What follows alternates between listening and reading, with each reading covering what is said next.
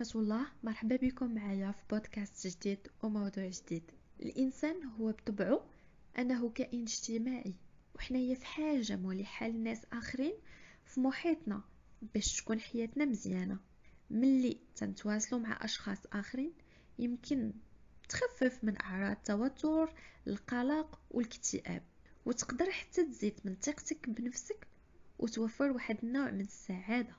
وما تبقاش حاس براسك راك وحداني اولا شعور بالوحدة وهادشي كيتجلى في حياتنا اليومية ملي تنكونوا مع العائلة والأصدقاء والزملاء ديالنا سواء كان في, في, في الخدمة في العمل أو المدرسة. أما إلا افتقدنا آه، هادشي فالخطر تيكون وارد عندنا.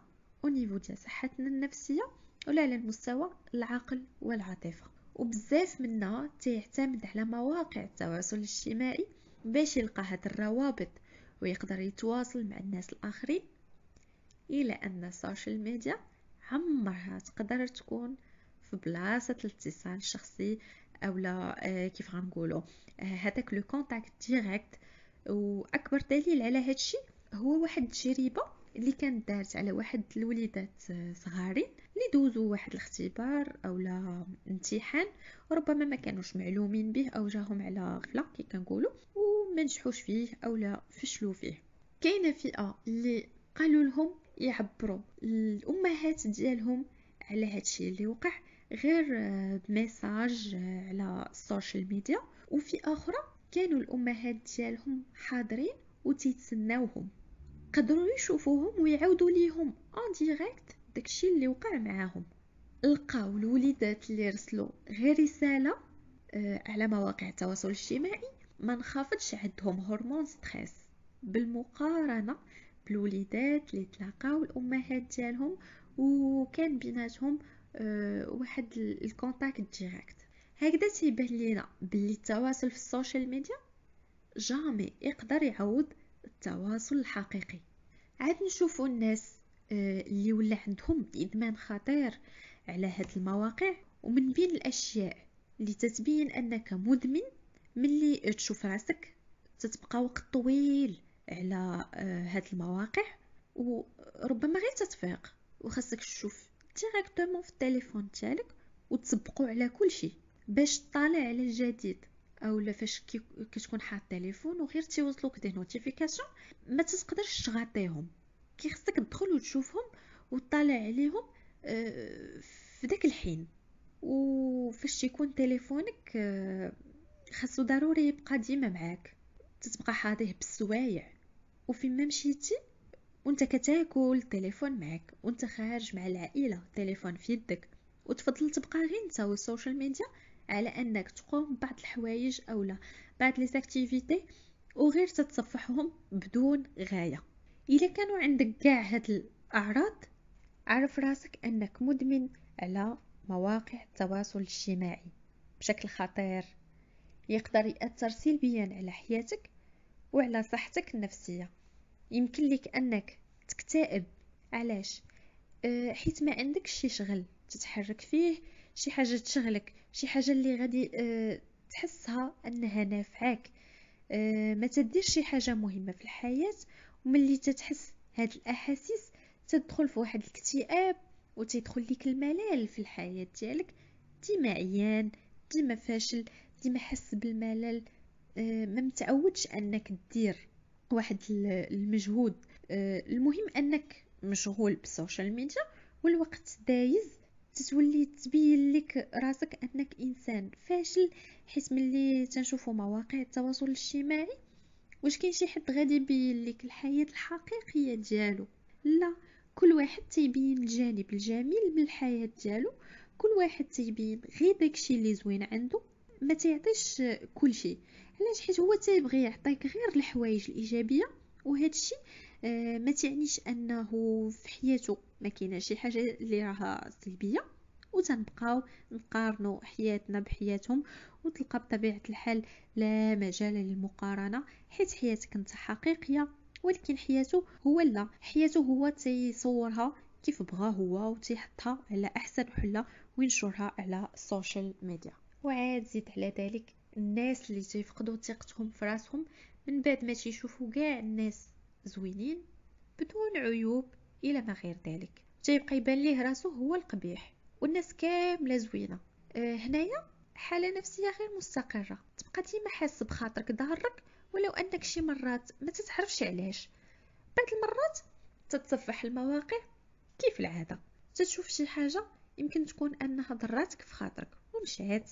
المهم كملتي التصفح ديالك ونسيتيها وتيبقى مرافقك آه هذاك الإحساس الخيب بلا ما تعرف انت السبب الحقيقي وتتبقى تقول مع مع راسك مع راس مالي مخنوق مريض في خاطري بلا ما تعرف كيف قلنا آه السبب. ولو أنك تكون عارف باللي صور تنشوفوا على مواقع التواصل الاجتماعي قد تم التلاعب بها.